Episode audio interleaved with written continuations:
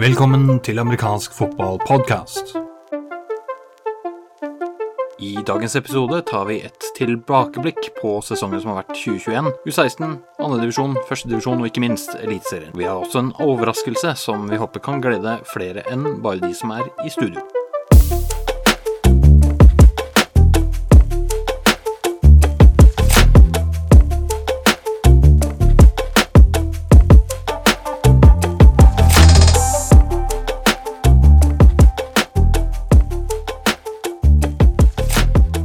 Ja, da er vi inne her fra amerikansk fotball sitt podkaststudio. Og det er da ikke studio midt i Nydalen eller et sånt. Vi sitter litt på hver vår kant. Mitt navn er Jarl Magnus Henriksen. Jeg har med Martin Gusterud fra Amsports TV og Markus Slettbakk fra Lillestrøm Starfighters, og ikke minst amfotball.com, for du skriver litt der òg, Markus. I dag så skal vi snakke om eh, det som har vært, og da er det 2021-sesongen. Vi skal eh, ta en veldig rask eh, titt innom U16 og andredivisjon, og så skal vi inn på førstedivisjon, hvor du, Markus, har vært en av de som har spilt.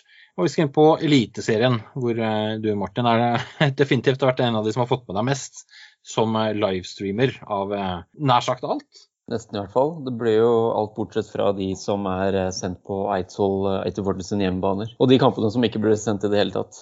Men vi skal begynne med litt, eh, et litt lavere nivå, men selvfølgelig kjekt og viktig. Og det er eh, U16-serien, hvor vi har eh, hatt fem lag i aksjon. Det er Oslo Vikings som stakk av med seieren der.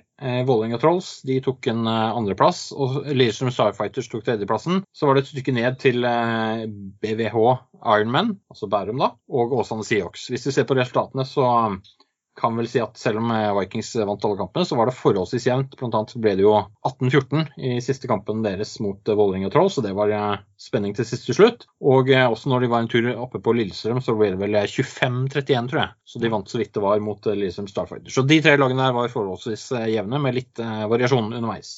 Ser vi på andredivisjon, så hadde vi jo to andre lag der med litt forskjellig tilnærming. Eh, Kristiansand Gladiators eh, sitt andre lag med blanding av, eh, av, gamle veteraner og nye spillere og noen fra eliteserielaget. Oslo Vikings 2, som vel hadde mest U19-spillere, tror jeg. I tillegg, for De skulle egentlig spilt i Sverige, og sånn ble det ikke. Og så hadde de også noen superveteraner, som f.eks. Frode Brattbakk, tror jeg var der, og Gaute Tesli. I tillegg til en fyr som heter Derek Mann.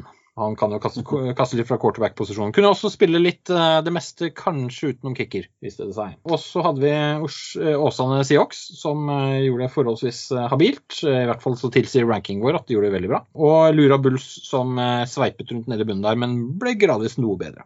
Vi skal ikke dvele så altfor mye med den divisjonen der, men vi, vi, kan vel notere oss at sånn, ut fra hvordan det står på banen, så kunne det fort vært en førstedivisjon øst- og vest-variant på et eller annet slag her, eller en samlet serie. Førstedivisjon, der var det riktignok sånn at uh, Olavs menn, de, uh, Markus, de var kanskje litt vanskeligere å spille mot enn de andre lagene. Hva tenker du om det som var på banen i, i kamper mot dem? De visste hva de holdt på med, for å si det på den måten. De har jo denne erfaringen fra både elite og spilt i mange år, så det var et to harde kamper. Nå var Det også sånn at det var faktisk Tønsberg Raiders som endte som nummer to, hvis vi ser på tabellen. Med Lillesund Starfighters som nummer tre og Nidaros Domers som nummer fire. Så var det litt sånn varierende resultater underveis.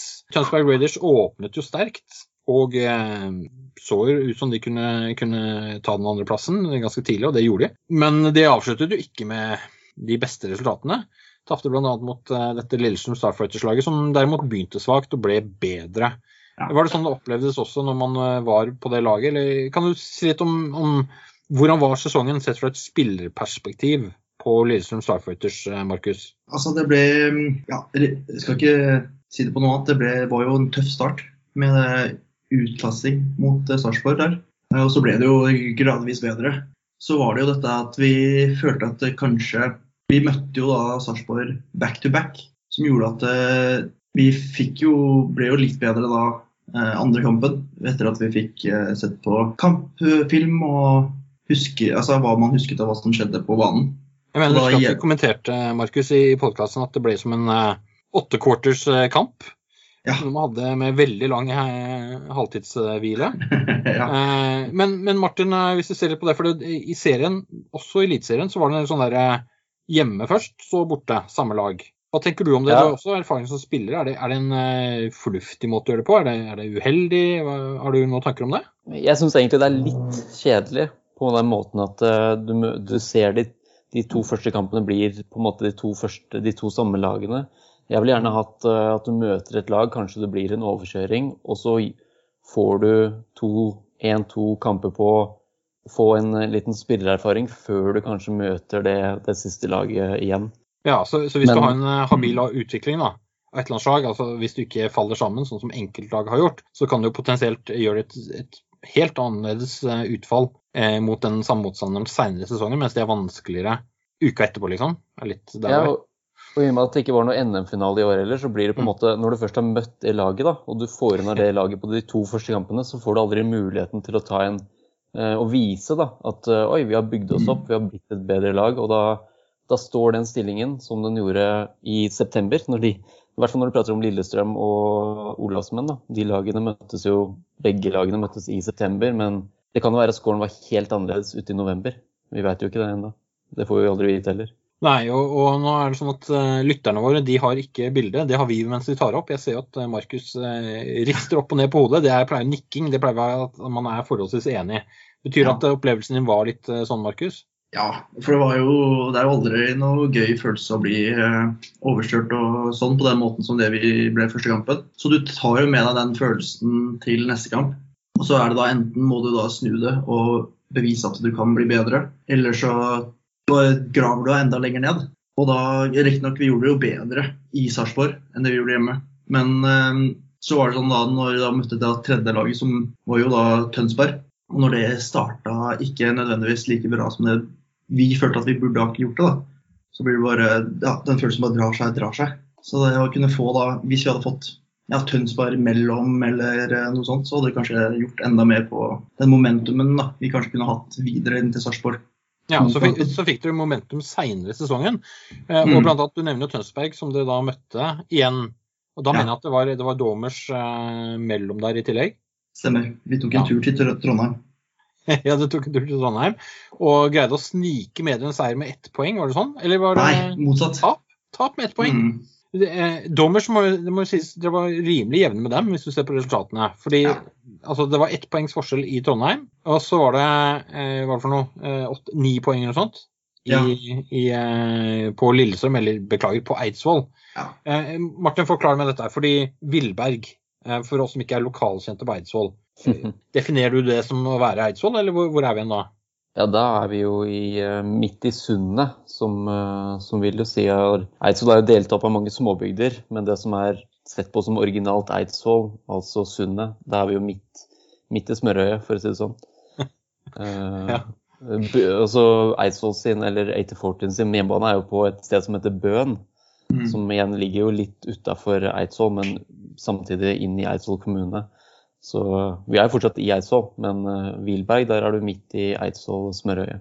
Ja, midt i smørøyet. Og Markus, eh, det, var vel kanskje litt sånn smørøyefølelse etterpå når det var ferdig, for da ble det vel grøt og, og smørøye og sånne ting. Ja. Dere vant jo kampen. Men, men hva tenker du om eh, de lagene? Da, da tenker jeg også Olavs menn, men også Mm. Domers og Starfighters og Tønsberg. Hva vil du si om de motstanderne du møtte? For å si da, Resultatene sier jo litt for seg selv. Um, Sarpsborg var jo en tøff kamp. Uh, men det var altså, alle var jo tøffe kamper. Sånn er det jo når det var ja, etter korona og litt sånn. Men alle var tøffe på hver sin måte. Mot Tønsberg og Domer så var det harde kamper. Fysiske kamper å spille mot. Der var det gi alt og litt til. Sarpsborg så var det De var, kom seg fort i en ledelse, og så når vi ikke klarte å svare, så begynte det å rakne. Så da var det vanskelig å komme seg tilbake igjen. Så da vil jeg jo si at det er jo morsommere å spille kamper som vi gjorde mot Tønsberg og Nidaros. For da føler du at du alltid gir alt da, og har muligheten til å komme, komme med seieren. Ja, så du tenker at 60-0 eller 50-0 ene eller andre veien, det er litt mindre interessant, også på banen? Mm. Ja, for da er det litt sånn Da begynner du å tenke allerede på neste, neste kamp, eller hva skal du spise til middag, eller altså Da går fort tankene over til noe annet. Noe som ikke nødvendigvis burde, men eh, sånn er det når du ser at dette her er ingen vei tilbake. Så det er helt annen på hvordan laget er bygget opp da, mentalt sett. Og, Ja, Markus, jeg noterer meg at det var en linjemann, selv om det er defensiv linjemann, som begynte å tenke på middag hvis det ble kjedelig kamp. Så den, den er god. Vi tar med oss den. Eh, og så nevnte du en annen ting her, og det er eh, det å spille igjen etter eh, korona eller etter covid-19.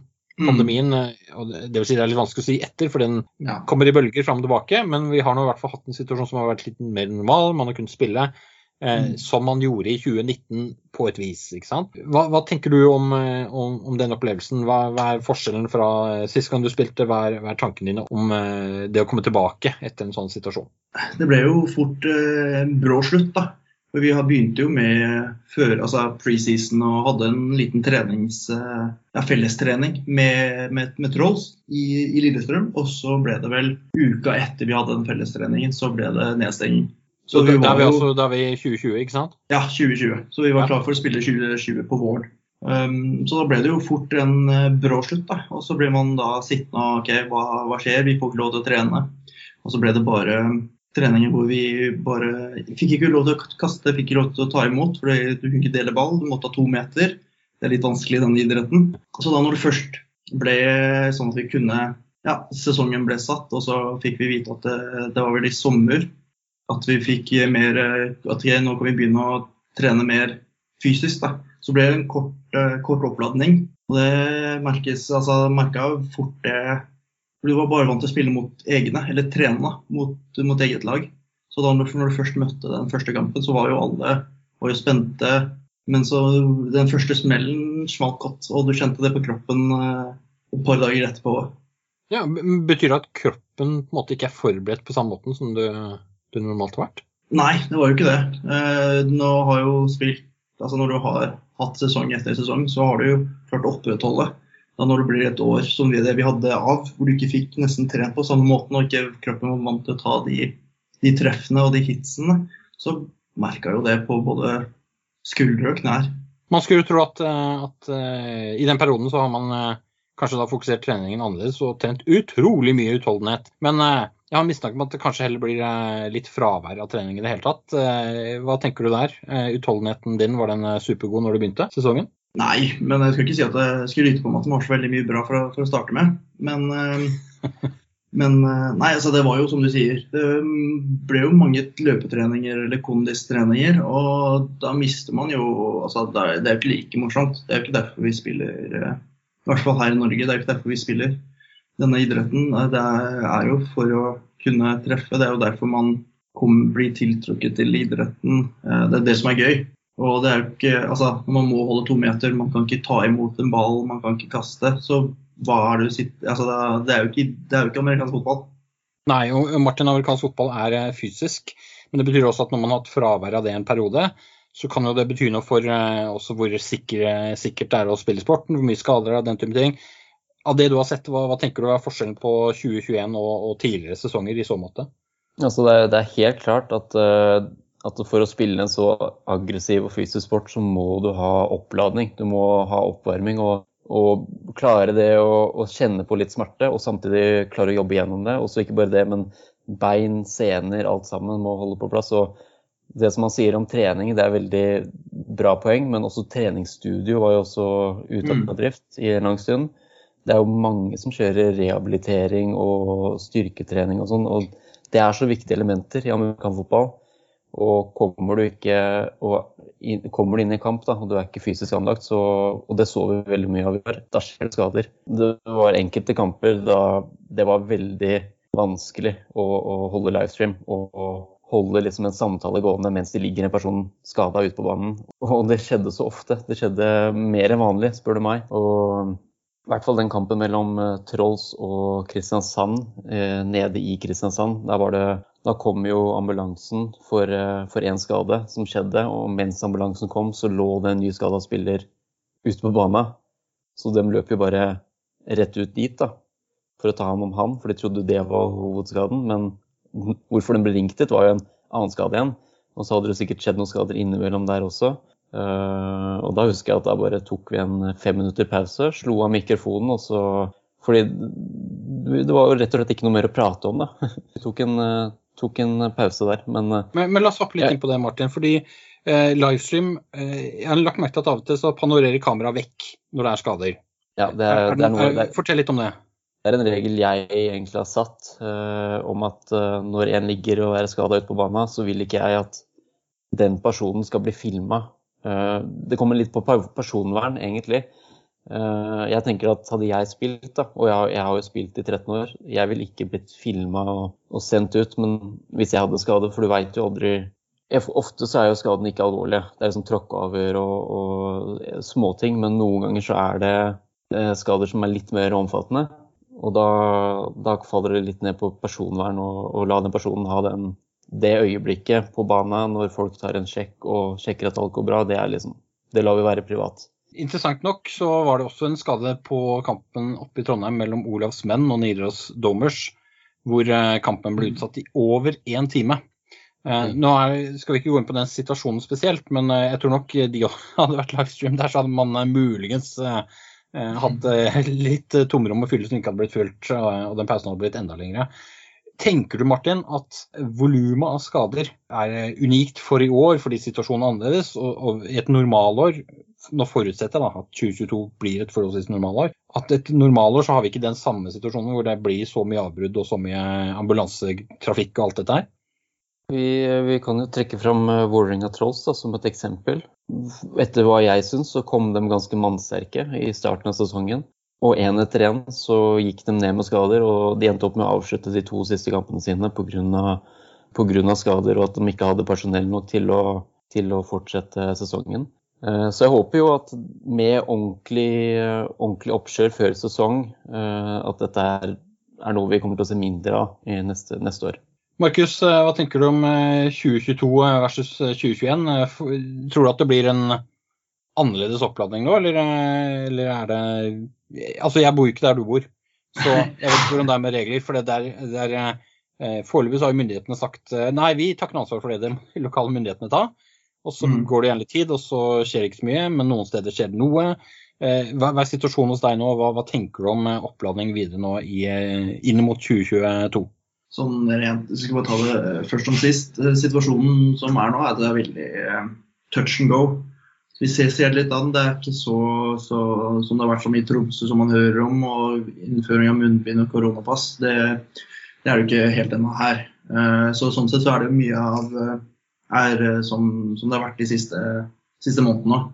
Får vi se hvordan det er etter jul. Da. Men oppkjøring Jeg tenker at nå kan det bli tidenes beste oppkjøring, hvis vi kan se på 2021-sesongen som en oppkjøring. For av det jeg har hørt, så blir jo 2022-sesongen på våren. Og da har man jo akkurat avsluttet, uh, akkurat avsluttet da, sesongen. Så hvis man klarer å opprettholde en god uh, oppladning bare generelt og få, få spill, spillerne tilbake på banen og få gjennomgått det man skulle kanskje ha gjort på sommer da, i år, så kan dette bli en god sesong til neste år.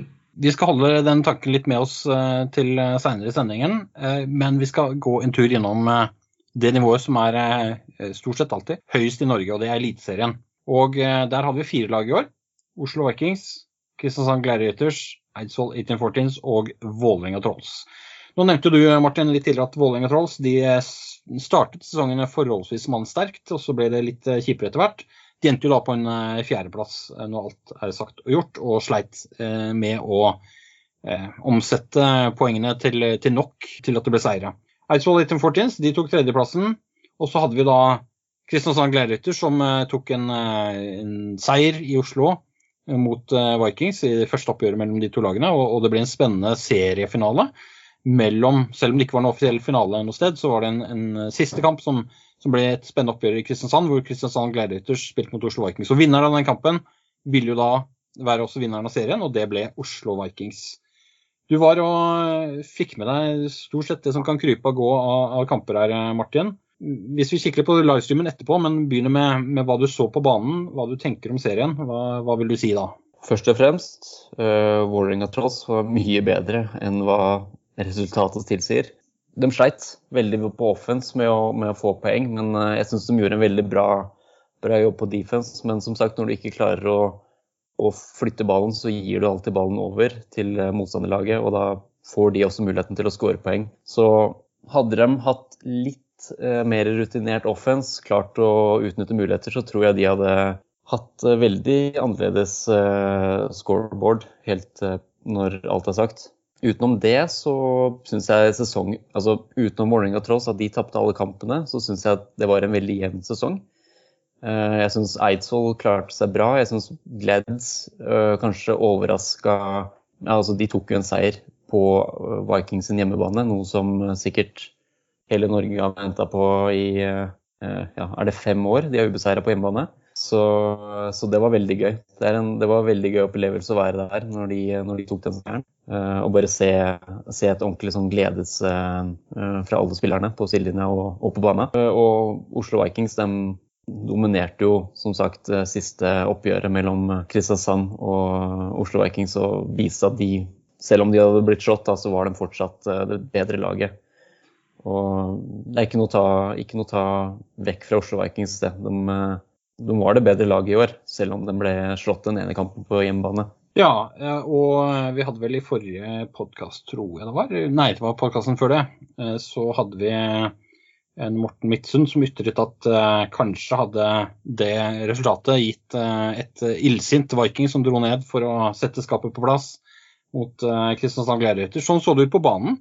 Men tro, tror du det hadde noe å si den måten? Altså, hadde det hadde sett annerledes ut hvis de hadde vunnet også på Frogner? Hva, hva, tenkte du på da? At, Nei, De tapte jo. De tapte med ett poeng på Frogner. Og ja. var jo helt klart uh, godt forberedt når de kom ned til Kristiansand. Å, altså, de kom ikke dit for å gå i Dyreparken, det var ganske tydelig. Og uh, hvis de da hadde vunnet, da, hvis Oslo Vikings hadde vunnet på hjemmebane mot ja, Kristiansand, hadde det hatt noe å si for, eh, for, eh, den siste kampen og hvordan det hadde sett ut, tror du? Ja, det spørs litt. da. Hadde, hadde de kanskje knust eh, Gladiators første kampen, så kan det være at Gladiators hadde gått litt under radaren og de hadde slappa litt av før de dro nedover. Men de så veldig motiverte ut. og, og jeg prata også med noen Oslo Vikings-spillere og trenere, og de sa at de hadde bare rista på hodet etter den Gladiators-kampen og ment at de skulle vinne den eller skulle ha vunnet den. Så, så det var helt klart noe motivasjon da, for å sette kortene på plass. Da er det fire time, fem timer busstur ned. Jeg vet ikke om de tok buss eller ikke, da, men jeg tipper at uh, hadde de gjort det, så det en uh, så er det fin anledning til å se på noe film og forberede seg bra mentalt før en kamp. Det var i hvert fall noen som var glad for å ha med seg pokalen i bussen på vei hjem, så det tyder på at de uh, sikkert var ganske blide på veien tilbake til verdens viktigste navle, nemlig hovedstaden i Norge. Eh, og eh, Eidsvoll 1814 er litt sånn eh, Altså, resultatene er som de er. Så det er ferdig spilt, ferdig snakka. Men det er alltid kjekt med litt sånne what if-scenarioer. For Eidsvoll 1814 hadde jo både noen utviste spillere og noen skader og sykdom og sånne ting på bl.a. importspillerne sine i sentrale kamper. Tror du at deres ho hovedtrenere og, og, laget generelt sitter i etterkant og følger litt på den der med at hvis vi hadde hatt, unngått en del av de situasjonene der, så kunne dette sett veldig annerledes ut? Ja, det, det vil jeg tro. Og som du sier, så var det, var det, ikke det ene, så var det det andre. enten med at quarterbacken er ute, eller star wide receiver er ute, eller så er import linebacker ute. Så de, de, hadde et eller annet hver kamp som uh, på en måte holdt dem, holdt dem, tilbake.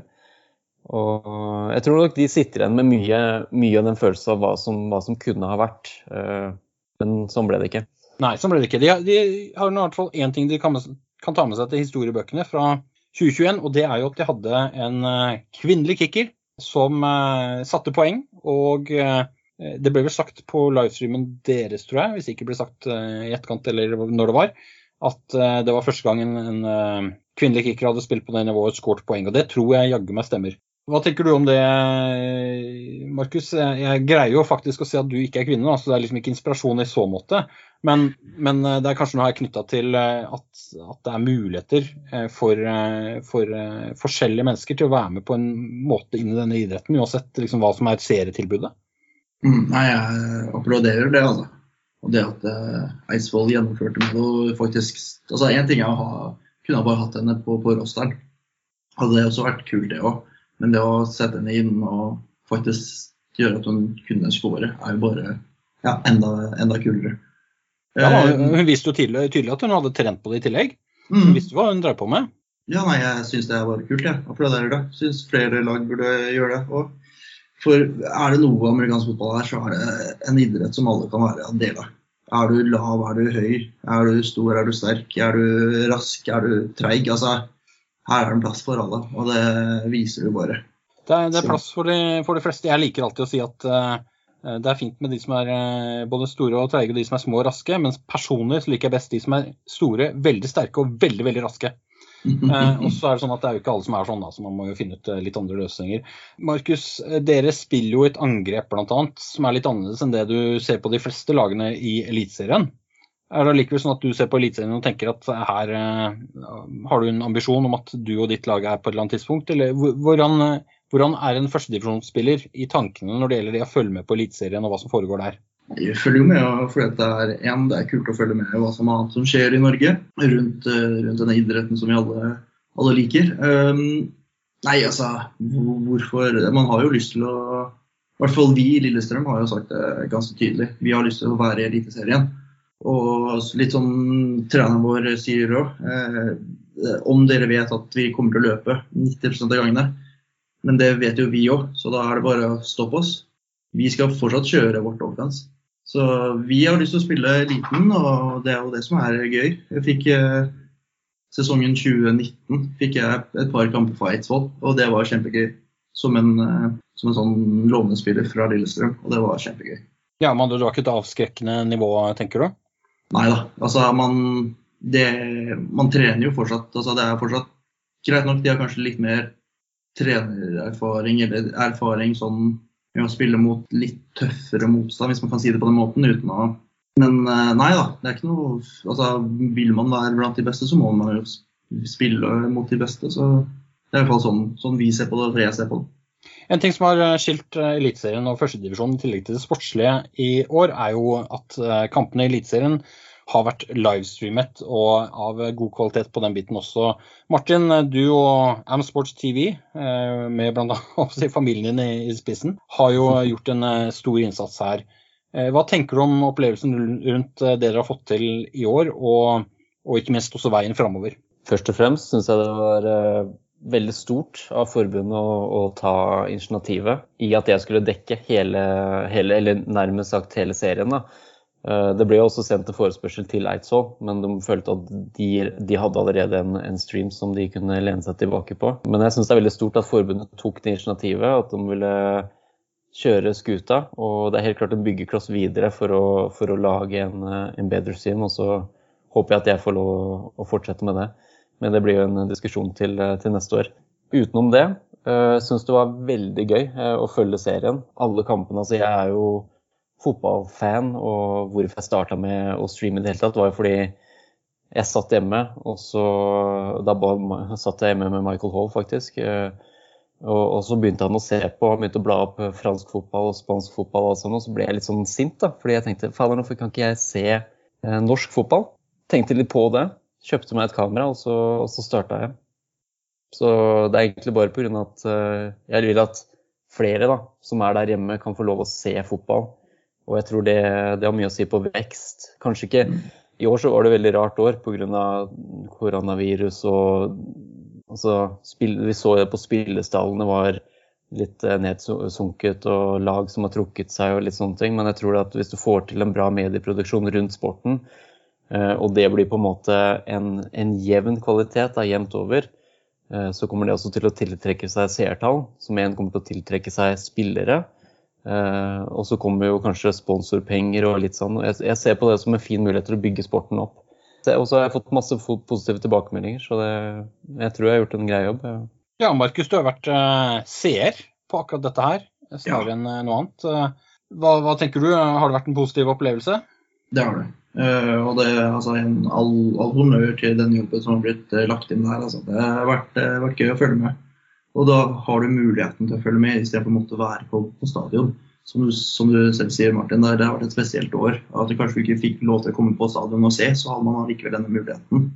Og så igjen bare sånn rent lagoppbygning. altså Får man ordet spredt, så kan, kan nye spillere komme. Gamle spillere som blir sånn Oi, det, kommet, det holder fortsatt på. Altså, det, Muligheten er jo unlimited her. Altså, det, det er bare bra. Det er et utsagn som heter uh, 'content is king', og visuell, uh, visuell synlighet, som vi snakker om her, den uh, hjelper jo absolutt på med, med inntrykket av sporten, så fremt ikke det er helt på tur det som vises. Og det har det ikke vært i år. Det har vært meget habilt jevnt over. Du får jo ikke filmet absolutt alt. Altså, du får gjort det i Eliteseriene, Martin, for det, der foreligger noen avtaler og den typen ting. Riktignok med unntak for Eidsvoll, som du nevnte akkurat nå. Men vi har også andre som livestreamer, så det er positivt. Og jeg må si etter hvert som tilbudet har blitt bedre i Norge, så har jeg sluttet eh, Jeg ser ikke like mye på livestreamer fra Ungarn som jeg gjorde en gang i tiden. Eh, og det er veldig positivt å se at det også dukker opp eh, mer og mer som er av bra kvalitet fra Norge. Markus, Eliteserien, Oslo Vikings, Kristiansand Gladiators, Eidsvoll 1814, Vålerenga Trolls. Hva, hva, sett fra sidelinjen, eller fra, egentlig fra andre siden av skjermen i noen tilfeller, mm. hva tenker du om nivået som du har sett der? Det er jo litt som det pleier å være, for å si det på den måten. Altså, man har jo alltid visst at Vikings er gode. 1840s har jo alltid vært et navn man har hørt. Gøy å se, altså Kristiansand har jo kommet nå de siste årene. Så det har alltid vært sånn at du ser Og Vålerenga er jo Vålerenga, men Lillestrøm-Vålerenga der har det alltid vært et bittert eh, rival. Nei, altså, hvor skal jeg si det på den måten? Um, det er et nivå opp, selvsagt. Og det, sånn burde det jo være når det er fra førstedivisjon til andre, eller elite. Martin, har, har, du fått, uh, har, du fått, sett noe av uh, andre nivåer? Altså Da tenker jeg f.eks. på førstedivisjon. Jeg har vært, og, vært filma to førstedivisjonskamper. Jeg har ikke lagt ut noen klipp av det ennå, bare noen sånne små highlights. Men, uh, så jeg, jeg, har vært på noen kamper, ja. Og det har vært Det var faktisk Lillestrøm mot Olavsmenn på Isersborg. Og den var, det var veldig gøy. Og vi kan jo Kunne Olavsmenn vært i Eliteserien i år? Ja, det tror jeg. Mm. Men om de hadde målt seg mot de beste lagene? Uh, kanskje ikke. Men jeg husker eh, Er det i 2018, når Olavsmenn eh, tok eh, bronsefinale, eller eh, De kom til kvartfinalen, var det, mm. mot Eidsvoll. Og jeg husker first half. Vi ble helt slokka, vi. Fordi vi tenkte at ja, vi skal bare møte et uh, førstedivisjonslag. Det, det her blir easy-peasy. Jeg tror de leda inn i halftime, uh, om jeg ikke tar helt feil. Og så tok vi riktignok over ledelsen igjen. og Schemet deres er ganske greit når du bare kan å spille contain og folk ja. veit hva du skal gjøre.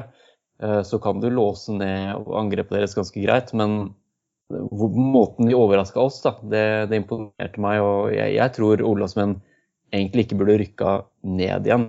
Uh, de burde heller prøvd å holde seg på nivået oppe og bygge eller bygge på det, lag, det året da, da de ble slått så mye av eliteserielaget. Bygge på det videre. Og så heller eh, sånn som Vålerenga Trolls nå. At de, at de, prøver å holde seg der oppe, og så heller istedenfor å gå ned og så knuse alt nede.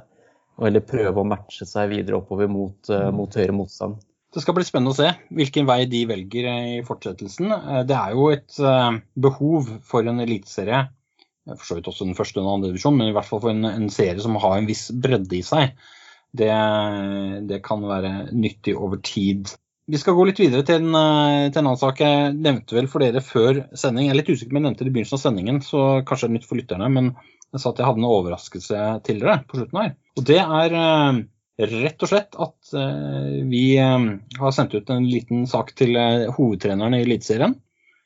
For tidligere år, fra 2014, og fram til og med 2019 så har vi kåret noe som heter Eliteserien Allstars. Og det gjør vi i høst også. Sånn at neste uke neste uke så kommer det en, en, et resultat av hva hovedtrenerne for eliteserielagene sier at dette er de som fortjener å være på årets lag. Martin, mener husker du har vært på årets lag i hvert fall én gang? Kan det stemme? Nei, jeg har ikke det. Men jeg følte meg jeg, Vi hadde den diskusjonen om ikke så lenge. Jeg følte meg veldig snytt fordi jeg ikke var på et All-Star-lag. Jeg, jeg, jeg trodde jeg kanskje kom til å være det, men jeg tror det var noe pga. posisjonen min var litt vak, om jeg var linebacker eller, eller safety, så det var litt vanskelig å, vanskelig å stemme på det. Men, Riktig, men, men da, da, tror jeg jeg treffer litt, nesten litt for godt, men jeg stiller spørsmålet likevel. Hvor mye betyr noe sånt for en spiller? Det, altså, det er litt Ja, ja er, det er synd det egentlig bare er Eliteserien. Fordi eh, Eller jeg går ut ifra at det bare blir Eliteserien. I, I, år er det det, ja. Mm. ja.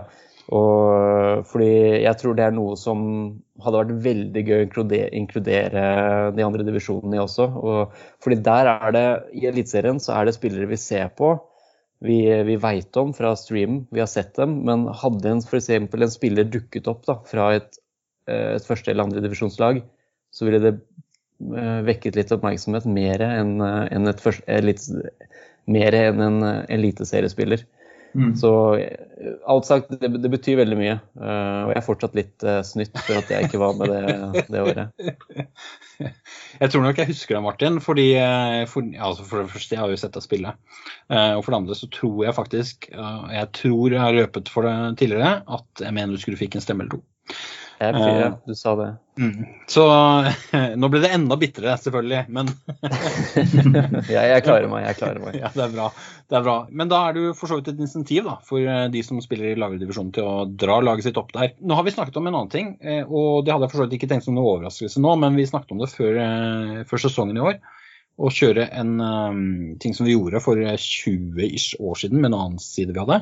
Og det var uh, posisjonsrankinger topp fem, f.eks. Defensiv linje i Norge. og Det ville typisk gått på, eh, på, tvers av divisjonene. Det ville vært akkurat det som du er inne på, Martin, med, med at man liksom eh, ser på tvers og ser hvem er de beste. Eh, egentlig ikke, ikke, bare i Norge, men norske spillere i utlandet for den saks skyld. Og få en, en, vurdering av det. Alltid moro når vi kjørte det sist, så var det Det er vel det jeg har fått mest hatmail om, tror jeg. Eh, rett og slett fordi folk har veldig sterke synspunkter på det. Jeg husker for, skaper debatt, det skaper interesse. Det er litt sånn livestreamen. Det, det, eh, men, det er et litt annet perspektiv, men det skaper en interesse. Og så er det klart, eh, Jeg tror livestreamen har et større potensial for å eh, skape interesse også utenfor miljøet, mens, mens, en sånn type ranking kan skape mer interesse innad i miljøet, og ikke minst irritasjon. Markus, hva, hva, tror du om å kjøre sånne individuelle rankinger? Er det pest eller kolera, eller er det superbra, eller hva, hva tenker du? Nei, jeg tror det har vært kult. Det er litt sånn som Martin sier, at du kan, det kan hende at du får øye opp for noen nye spillere eller nye, nye lag, da, for det saks skyld, heller, som kan ja, overraske. Så det er bare gøy. det, Noen spillere tar jo det som motivasjon, så da gir du bare dem enda mer en grunn til å yte, yte bedre på banen. Så det kan være, være gull, det, altså. Så lenge jeg slipper å få de mailsene, så slipper jeg. Du er vel kanskje en av de som sender dem, tenker jeg, så det går bra. Martin, eh, du var vel heller ikke med eh, så lenge siden som når vi kjørte den typen rankinger. Eh, men er det noe du tror kunne vært nyttig også i en livestream-setting man kan henvise til eller dra inn på et eller annet vis? Ja, helt klart. Kanskje ikke sånn konkret med å nevne Det er vanskelig for alle hvem som er på topp fem og litt sånne ting. Men jeg tenker det å bare ha navnet på det jeg vil egentlig jobbe med da, fremover, er å ha stats. Sånn at å ja, mm. han har tatt 2-6 uh, eh, i forrige kamp. Uh, det er kanskje noe jeg må jobbe på videre og ta litt sånn notater på, på det. Men uh, er, det, er, det, det som du gjør rankingen ut ifra i, i så fall? Er det, er Nei. Det og... Tidligere så har det ikke vært det, for, nettopp fordi det er som du er inne på, det har ikke vært tilgjengelig. Så, så dermed så er det en enda mer subjektiv vurdering. Eh, og Så setter man gjerne et utgangspunkt basert på det man tror, og så får man input fra forskjellige kanter. Og Så eh, hører man gjerne på den, de innspillene som kommer. Kanskje med unntak av han som, som liksom eh, nevner hele sin egen linebacker-rekke, hele sin egen D-line, og glemmer alle andre for alle lag. Det er ikke så interessant, mm. for da vet du liksom hvor bias det er. Men, men, i de fleste andre tilfeller så er det interessante innspill. Det vi har sett i, i Finland eller Tyskland for den saks skyld, er jo at de er flinke til å føre statistikk. Og Det er klart det underbygger noe. da. Og det samme med det som er tilgjengelig. og Der, der har vi kommet et stykke på vei for en god del år siden knytta til Huddle. altså at, at, lagene filmer kampene, at det er tilgjengelig. Når man har livestreams og sånne ting i tillegg, så er det tilgjengelig for enda flere. Og med andre så kan innspillene komme fra flere kanter. Så det, det som vi han som skulle jobbet mest med rankingene, han forsvant eh, ut før vi kommer til sesongstart. Eh, var ikke motivert til å fortsette. Men jeg håper at vi kan få til noe sånt over tid, og da gjerne med en eller annen ordning som gjør at man kan stemme, eller sende inn stemmer som er kanskje litt mer automatikk. For det ligger en del arbeid bak hvis man skal gjøre absolutt alt manuelt. Da. Og da, da kan det kanskje bidra til at det blir flere som er interessert i å både i sine synspunkter, men ikke minst uh, se hva resultatet er. Det, eh, kommer dette til å fungere på lik måte som uh, på måte den rankingen dere hadde før sesongstart? At man kunne sende inn et lag og, og sende inn en topp top 10, da? ja, sånn optimalt sett så ville jeg hatt en variant hvor eh, man kan stemme på en nettside og se resultatet på nettsiden automatisk. Altså at det, det går inn i en ranking. Eh, og så klart Vi må jo unngå de russiske bottene som legger inn 100 stemmer på den ene spilleren. Det er litt sånne ting å tenke på. Men eh, å finne en god nok løsning på det, det er jeg litt usikker på om vi lykkes umiddelbart med. Og Da kan det fort være sånn som eh, at man sender inn en eller annen skjematikk og gir innspill på den måten. Så, men når det er sagt, både Martin og Markus og dere som lytter der ute, innspill til hvordan man mest hensiktsmessig kan sette opp noe sånt, det tar vi gjerne til redaksjonen at amfotball.com. Det er en mailadresse, da, med andre ord. Sånn at vi kan uh, se på en best mulig løsning der. Og helst en som i minst mulig arbeid, for det er ikke ja, vi er ikke et eh, konsern med 300 ansatte ennå. Der er vi to. Der, der vi, ja. Da er vi to. Det er faktisk det der. Men Martin og Markus, vi har snakket en del rundt Eliteserien. Vi har snakket om førstedivisjon og andredivisjon, U16 2021. Forventninger til 2022. Har du noen tanker rundt det? Håper på Jeg starter, jeg. Markus, håper det går fint. Eh, jeg håper på en eh, ja, om ikke minst lik jevn eh, sesong, i hvert fall på Eliteserien. Og divisjon 1, jeg syns de, jeg synes de laga gjorde det veldig bra. Det var jo Olavsmenn som, der, som gjorde det best, og vi håper jo på at kanskje et lag kan steppe opp til utfordringen. fordi jeg tror det blir vanskelig om bare ett lag er potensielt å rykke opp. Eh, det må, burde være to lag i så fall. Eh, og da håper jeg ett lag klarer å potensielt utfordre Olavsmenn litt mer, så at eh, de to kan sammen ta steget opp til Eliteserien. Ja, og da for, for, min del, og som jeg ser på, for 2022 um, er jo det at det blir en jevn og god sesong. Um, personlig, det å komme seg klar til til sesong og for lagets messig hvordan er klar til sesongstart. Og gi alt og kunne øh, være jevnere med Sarpsborg og Olavsmenn, men også de andre kampene. og Klare å vinne de tighte kampene. Være mer forberedt når det kommer til disse ja, hvor, du, hvor du må gi alt da, i de kampene.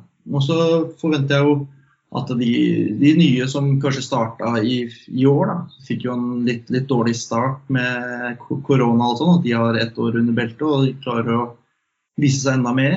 Eh, generelt med alle spillerne. At de klarer å levere på det nivået som vi er vant til å se når det kommer til amerikansk fotball, eliteserien, men også på de, det som trengs da, for at lagene skal kunne ta det ekstra steget opp. Så all in all, jeg har jo lyst til at det skal bli bedre og bedre for hvert år som går. Um, så da får vi bare starte med 2022, da. Det skal bli spennende å se, og så skal det ikke minst bli spennende å se hvilke andre lag, og det håper vi på, som kommer til, som ikke var med i 2021. For nå eh, nærmer oss en eh, normal situasjon på banen. Igjen krysser fingrene knytta til eh, covid-19-situasjonen. Men det er en del lag rundt om i Norge som potensielt kan dukke opp på banen, og da kan jo også man får litt eh, påfyll, eh, kall det i bunn, altså andredivisjon, førstedivisjon. Og på den måten eh, kanskje noen flere til toppen. Markus og Martin, tusen takk for at dere var med i Amerikansk fotball podkast.